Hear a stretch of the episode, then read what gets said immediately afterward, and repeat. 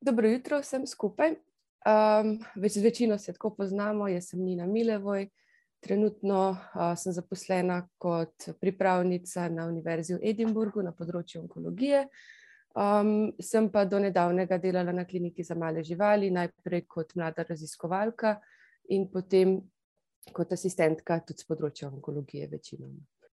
Um, zdaj, danes bi uh, govorili o jeternih tumorjih pri psih, in sicer malo bolj podrobno o masivnem hepatocelularnem karcinomu in sicer o tem, kaj narediti in kakšni so faktori tveganja, da pride do lokalne ponovitve tovrstnih tumorjev. Članek je bil objavljen konec letošnjega aprila in sicer v reviji Veterinary and Comparative Oncology. Na splošno o jeternih tumorjih pri psih, to so redki tumori in predstavljajo približno en in pol odstotek vseh tumorjev pri psih. Če diagnosticiramo maligne tumorje, se najpogosteje srečamo prav s hepatocelularnim karcinomom in sicer v 50 do 77 odstotkih. Redkejši so pa potem holangiocelični karcinom, neuroendokrini tumori in pa sarkomi. Hepatocelularni karcinom je epitelni tumor, ki ga najpogosteje odkrijemo pri starejših psih, brez neke natančne spolne predispozicije, kljub temu, da so bili v eni raziskavi bolj pogosti, pogosto oboleli psi moškega spola. Nagnjeni so tudi psi s hiperadrenokorticizmom, In v različnih raziskavah so tudi ugotovili, da so predisponirane določene pasme, naprimer korgi, potem škotski terier, predvsem tisti, ki imajo diagnosticirano vakularno hepatopatijo, za katero vemo, da lahko potem napreduje do karcinoma, bigli in pa pritlikavi šnavci. Poznamo tri morfološke podtipe. Najpogosteje se srečamo z masivnim hepatocelularnim karcinomom, sicer v 53 do 83 odstotkih. Um, in to vrstni podtipi predstavljajo en večji tumor v enem samem jeternem režnju. Pogosteje jih najdemo v uh, jeternih režnjih na levi strani jeter. Um, značilno je to, da so počasi raztoči tumori in da imajo s kirurškim zdravljenjem ugodno prognozo.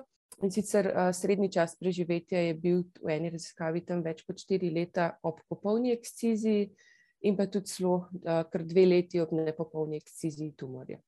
Poznamo nekaj negativnih prognostičnih dejavnikov in sicer tumori, ki niso primerni za kirurško zdravljenje, tumori, ki se pojavljajo v desnih jeternih režnjih, v kvadratnem lobusu in pa pri pacijentih, ki imajo povišen ALT, AST, potem razmerje med alkanofosfatazo in AST, povišena ura, um, um, potem kali in pa GGT. Um, oddaljeni zasevki uh, so pri tem morfološkem podtipu relativno redki, in sicer jih najdemo tam v, od nič do 37 odstotkih. Um, najprej zasevajo ti tumori v bezgavke, pljuča, peritonej, ampak jih lahko najdemo zasevke praktično povsod, od nadledvičnih žlez, um, ledvic, uh, srca in tako naprej. Redkeje se srečamo z drugima dvema morfološkima podtipoma in to sta nodularni hepatocelularni karcinom in pa difuzni. Značilno za oba tipa je, da se pojavljata multifokalno oziroma difuzno, imata slabšo prognozo in uh, pogosteje zasevata. Zdaj, če pogledamo malo, kaj je znanega o um, recidivih hepatocelularnega karcinoma pri psih. V eni malo starejši raziskavi iz leta 2004 so um, ugotovili, da pri 42 primerih po kirurški odstranitvi v nobenem primeru ni prišlo do recidiva, kljub temu, da so bili štirje tumori nepopolno odstranjeni in v tej raziskavi je bil srednji čas preživetja več kot 4 leta, oziroma približno 9 mesecev za nekirurško zdravljenje, zdravljene tumorje. V eni malo novejši raziskavi iz leta 2017 um, pa je prišlo do ponovitve pri 12 odstotkih psov s popolno odstranjenimi tumori in pa pri 58 odstotkih z nepopolno odstranjenimi tumori. Tudi tule uh, so ugotovili, da so imeli daljši čas um, brez napredovanja bolezni, se pravi progression free survival in daljši celokupni čas preživetja psi s popolno odstranjenimi tumori v primerjavi s tistimi um, z nepopolno. Še ena raziskava iz leta 2015, kjer pa so v bistvu um, ugotavljali faktorje povezane s prognozo uh, za odstranitev jeternih tumorjev, kjer so bile vključene različne vrste tumorjev, vključili 118 psov z različnimi podtipi tumorjev um, na jetrih, um, in od tega je bilo 72 hepatocelularnih karcinomov. Tule so ugotovili, da je bil najpogostejši vzrok smrti zaradi tumorja prav recidiv tumorja. In sicer pri 14 od 19 psih, ki so poginili zaradi vzrokov povezanih s tumorjem, je bil vzrok prav lokalna ponovitev.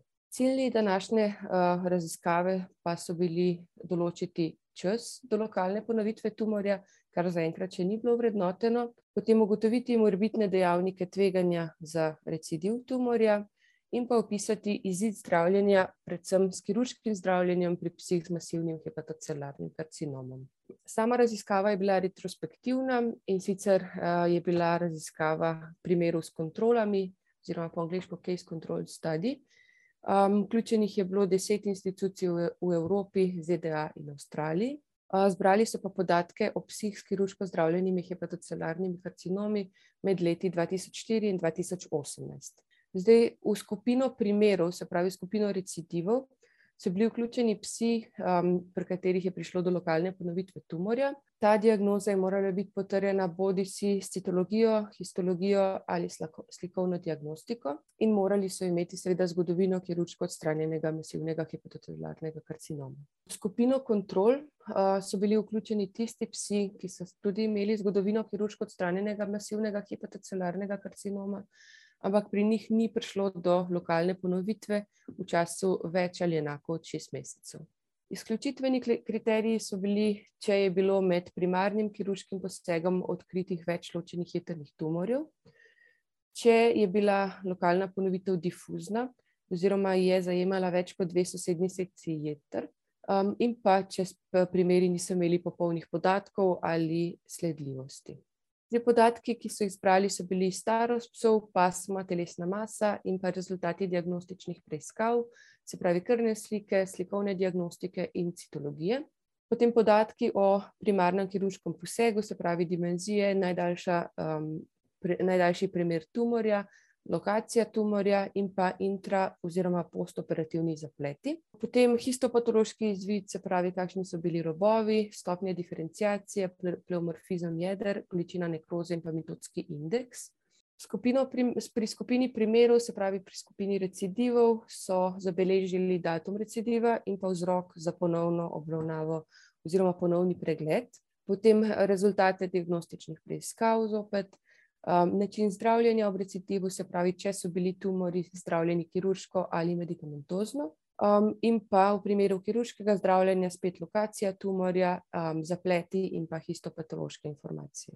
recidiv je bil definiran kot prisotnost tumorja v istem jetrnem režnju, v primeru, da, ob primarni operaciji, ni bil odstranjen celoten jetni reženj.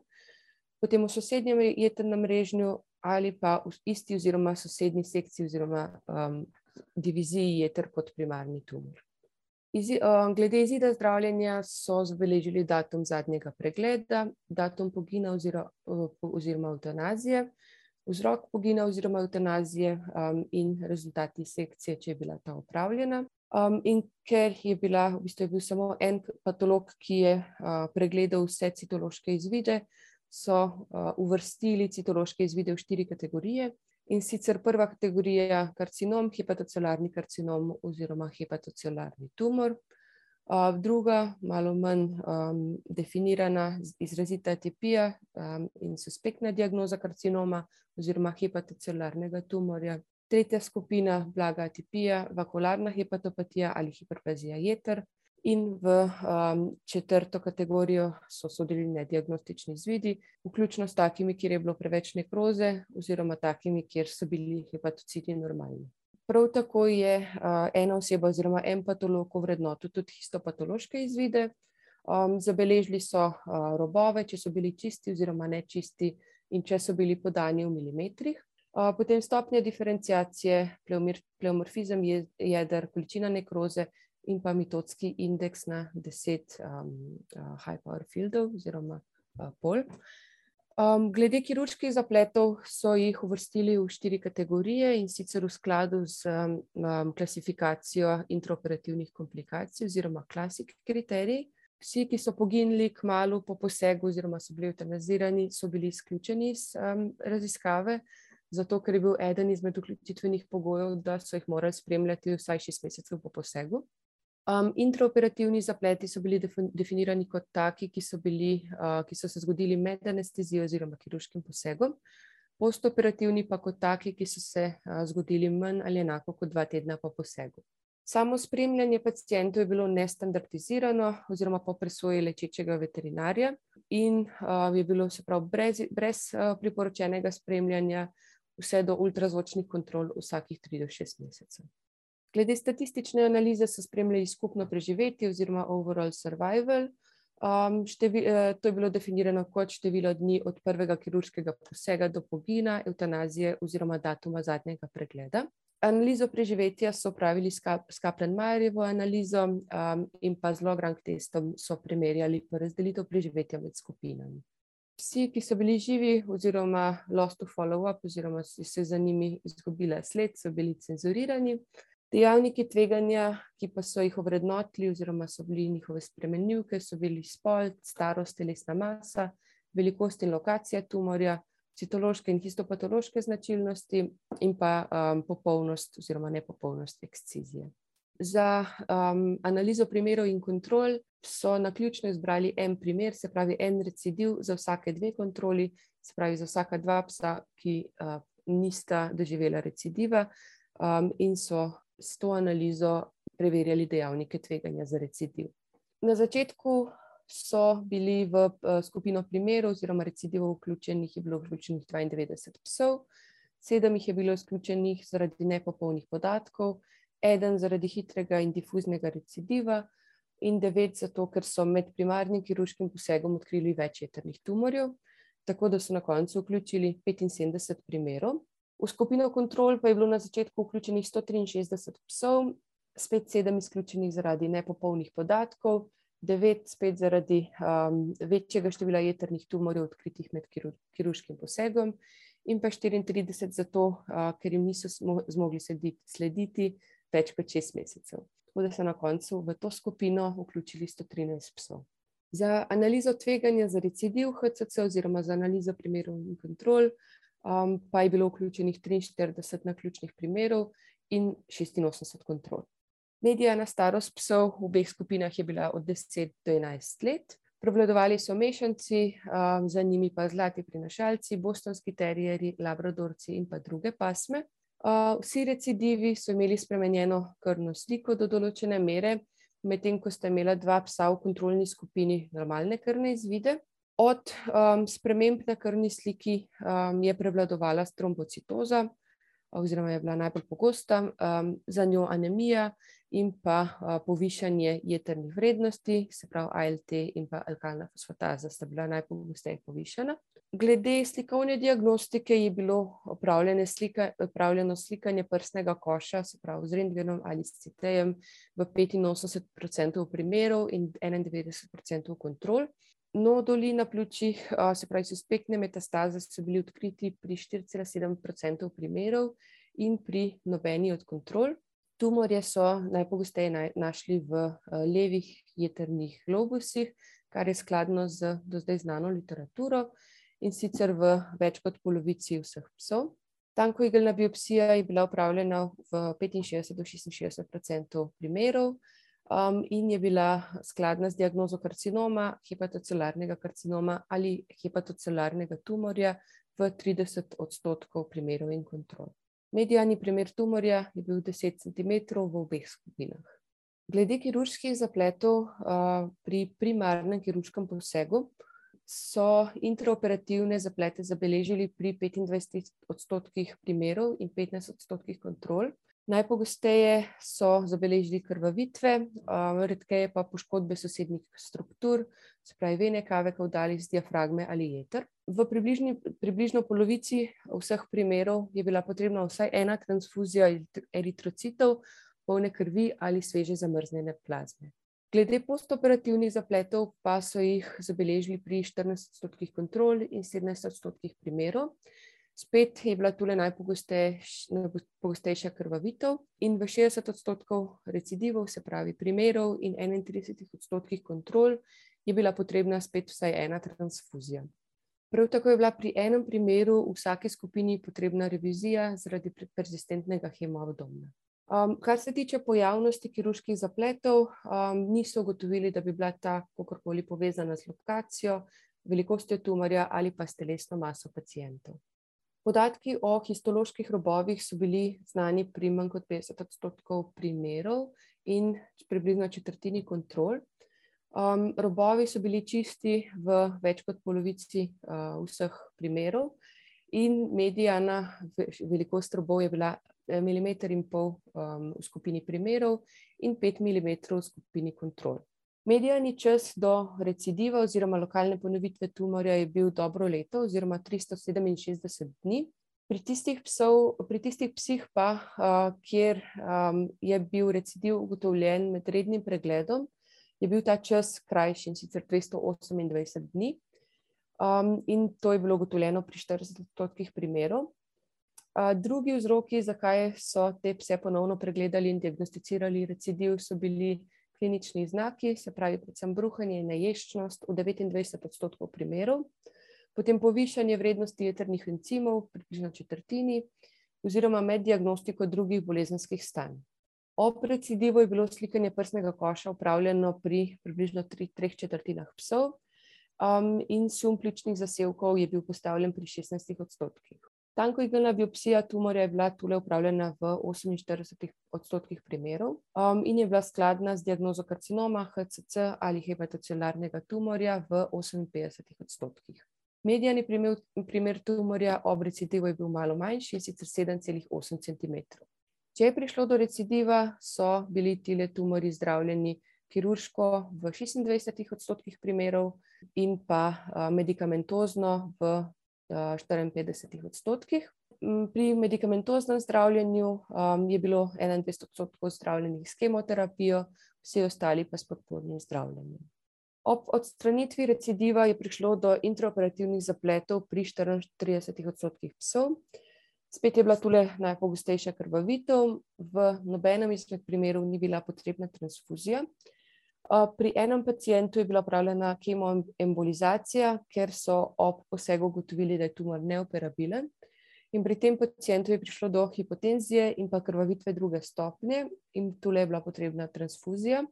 V enem primeru pa je prišlo do adhezije na okoljne strukture in je bila potrebna kolecistektomija. Podatki o histoloških robovih so bili zabeleženi pri 60 odstotkih psov. Robovi so bili čisti v polovici primerov z medijanim robom 2 mm. Nobena izmed ovrednotenih spremenljivk um, ni bila ugotovljena kot dejavnik tveganja za recidiv HCC. Um, 22 uh, odstotkov primerov in 46 odstotkov kontrol je bilo ob koncu opazovalnega časa živih. Uh, medijani čas preživetja je bil 850 dni za primere in 970 dni za kontrole, kjer so imeli zdravljeni recidivi, se pravi, kirurško zdravljeni, daljši čas preživetja kot nezdravljeni vendar ta razlika ni bila značilna. Prav tako ni bilo razlik med preživetjem po recidivu med zdravljenimi in nezdravljenimi recidivi, in brez značilnih razlik v preživetju med psi s čistimi oziroma nečistimi robovi. Kjer je bil zabeležen vzrok smrti, je bilo 70 odstotkov psov um, poginilo zaradi tumorja samega. In čez preživetje za tistih devet primerov, uh, kjer so, kjer so uh, ob recidivu postavili sum pljučnih zasevkov, je bil značilno krajši kot pri tistih brez zasevkov. Če gremo na diskusijo, to je bila največja serija primerov psov s kirurško zdravljenimi hepatocelarnimi karcinomi. Medijani čas do ponovitve tumora je približno eno leto in to je prva raziskava, ki opisuje čas do recidiva. Ta čas je relativno primerljiv s humano onkologijo, kjer je pet, petletna stopnja ponovitve 70 odstotkov. Večinoma pride do recidiva v prvem letu in medijani čas do ponovitve je 22 mesecev. Starost in pasma psov tukaj nista vplivala na pojav uh, tumorja in prav tako niso ugotovili nobenih dejavnikov tveganja za recidiv. Povišene uh, vrednosti jeternih encimov so, bile so bila najpogostejša odstopanja v krvni sliki in so bile ugotovljene pri 74 odstotkih psov glede Alteja in pa 83 za alkalno fosfatazo. Vrednosti med samim pojavom primarnega tumorja in recidivom so bile sicer neznane, so pa bili, bile povišene vrednosti jeternih encimov vzrok za ponovno obravnavo pri četrtini primerov. Tako da tule avtori predlagajo če zaznamo povišanje nadvrednosti po prvotnem posegu, da je priporočena nadaljna diagnostika. In to bi lahko predstavljalo en neinvaziven način spremljanja takih pacijentov.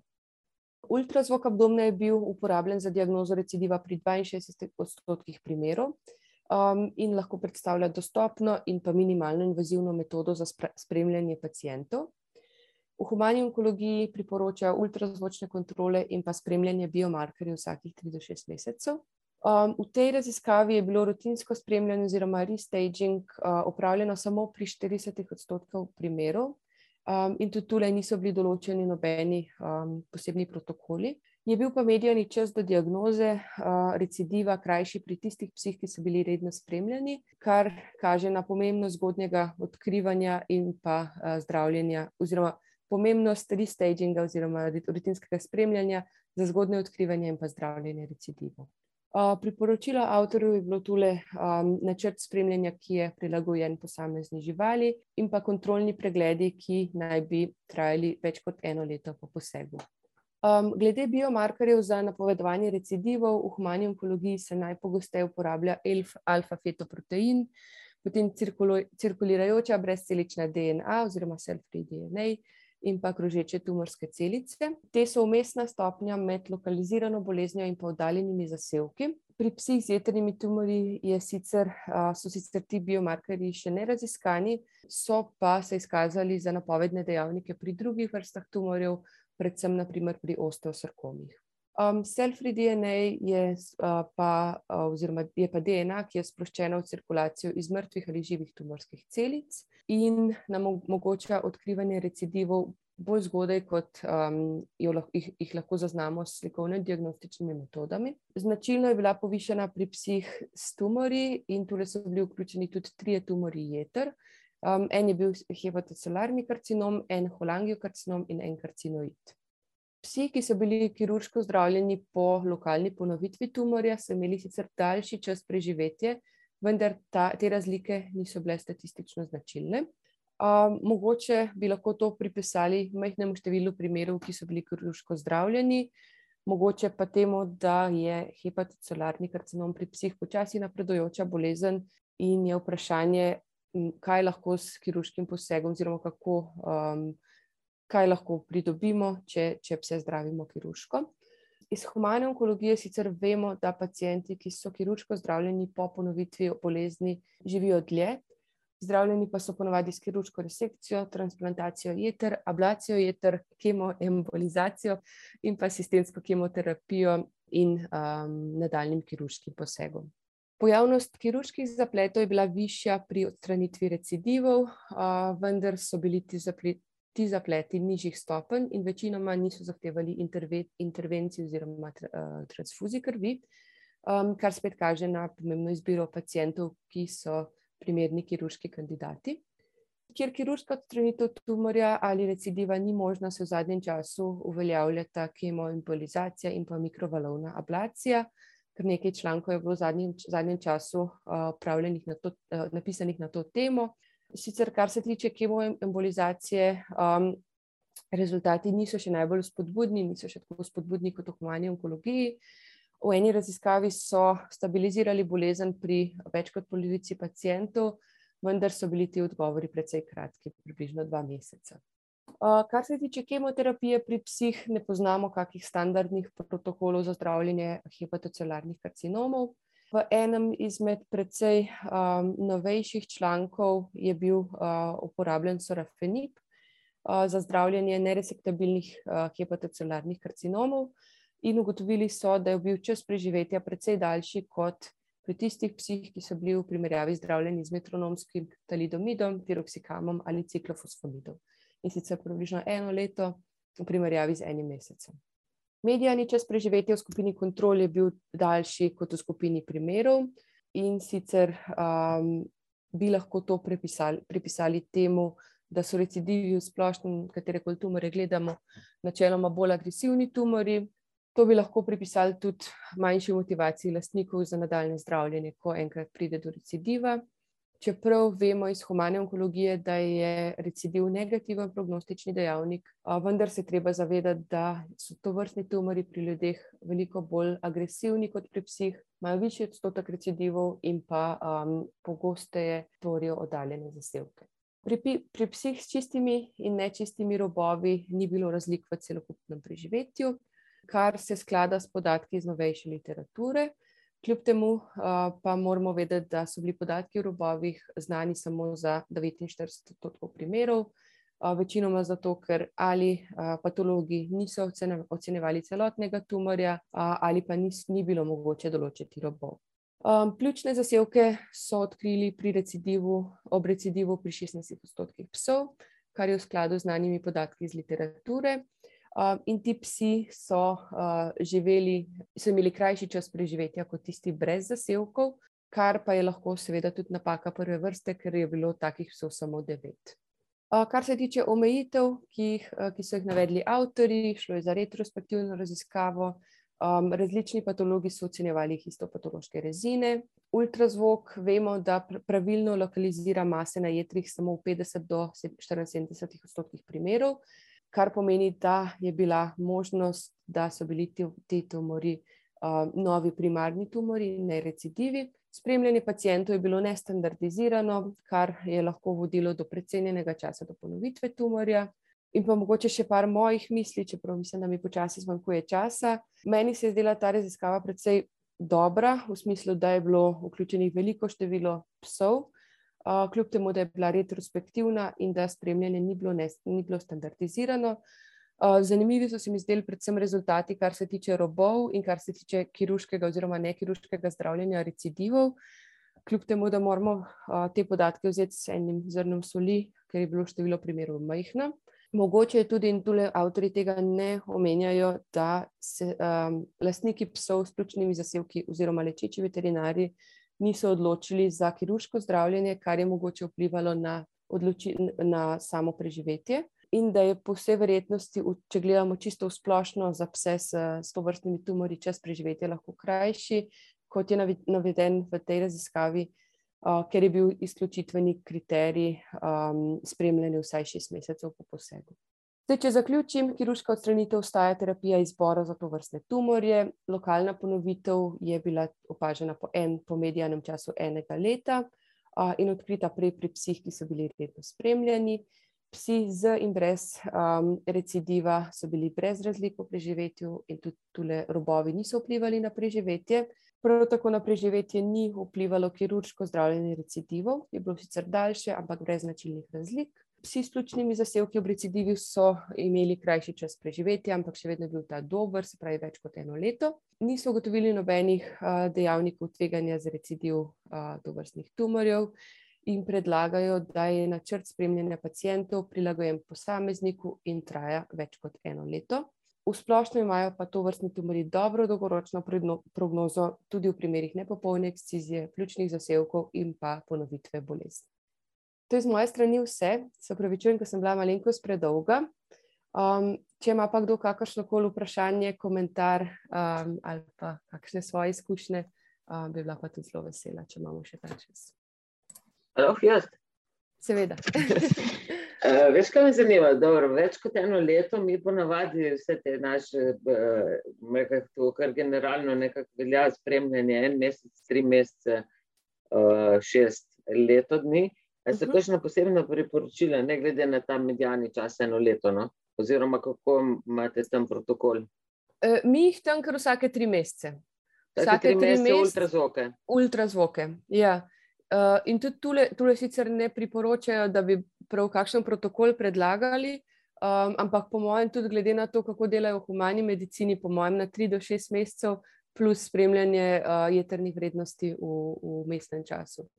Ja. Še to sem te hotela vprašati, ta self-free DNA, to delate prva ali je to?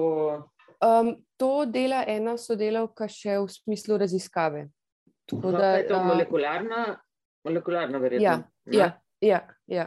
Uh, v bistvu zbiramo kri pacijentov pred pa po zdravljenju pa različnih vrst tumorjev. Ker, ker, ja, ker dejansko ni specifično, ne? Ja. Uh, z hepatocelularne Ampak, zdaj, to, praž, to se dobi uh, komercialno, primarje? To pa moram vprašati. Bom vprašala, um, ker to delajo tam v sosednjem inštitutu, ampak bom vprašala, če se da dobiti. Se pa tudi sprašujem, glede teh tumorov, glede hepatocelarnih karcinomov, tako glede krožečih tumorskih celic kot self-free DNA, glede na to, da so to tumori, ki tako redko zasevajo pa da so pri mhm. psih tako počasni. Ne? Jaz verjamem, da pri človeku, kjer je to agresiven tumor, da je lažje najti te celice tudi v krvnem obtoku. Uh mhm. -huh. Pa nisem čist prepričana, kako bi nam to prav prišlo. No. Sam še to. Uh, LDH, feritin, te klasične, ki so tudi povezane z tega, pa uh, nobeden ne spremlja. Mislim, ne, tudi nisem našla, ko sem iskala po literaturi za te tumorje, nisem našla. Mogoče za jeterne tumorje, bi bilo malo manj specifično ne, kot za druge. Ja, ja čeprav tem, po mojem, bi skoraj mogel biti. Je pa res, da tudi problem v rutinski diagnostiki, ki imaš spet uh, drago diagnostiko, no, če hočeš, nekaj ni individualnih testov. Ja. Je spet drugače um, v humani, ki imaš serije ne, teh. Ja. Mm. Nismo še tam. Okay, da se še eno kratko. Uh, kemo uporabljate, če uh, kiri? Mm. Večinoma tule, če so neresektabilni, kar paladijo. Aha, ok, paladija za vse. Ja, ja. to je zdaj kar modern. Ja. Drugač pa, uh, ne vem, ta sorafenip, jaz še nisem slišala, uh -huh. ampak zgleda, da bi lahko bil kar, um, kar kar v, ja, uporaben. Ja. Okay. Nehala spraševati. Ne, super. Oj, Tanja. Hvala, Nina, uh, ne, jaz imam samo eno, manite ne vprašanje, bolj tak pripombo ali pa misel. Um, tudi jaz ne vem, koliko tu dejansko gre za recidive, ker če pogledaš čisto tabelo 3, so zelo redko napisali, v katerem mrežnju je, verjetno zaradi tega, ker kirurško niso delali. In v naši kirurški uh, srednji nekako obstaja misel, da verjetno gre za pojav novih primarnih tumorjev, ker pač je pa spodvržen istim dejavnikom tveganja, ker ne vemo, kje so. Um, ker zelo redko se pojavijo na istem mestu, večinoma se pojavijo na drugih režnih. Ja. Tudi je pa vprašanje, koliko dejansko teh podatkov lahko zares, zares je. Ja, mislim, kako lahko tem verjamemo, da so dejansko recidivi. recidivi ja. Saj, si umenila kot v diskusiji, ampak tak, je kar misel, no, kaj to učeno plano. Uh mhm. -huh. Tam to. Hvala lepa, super je bilo. Hvala.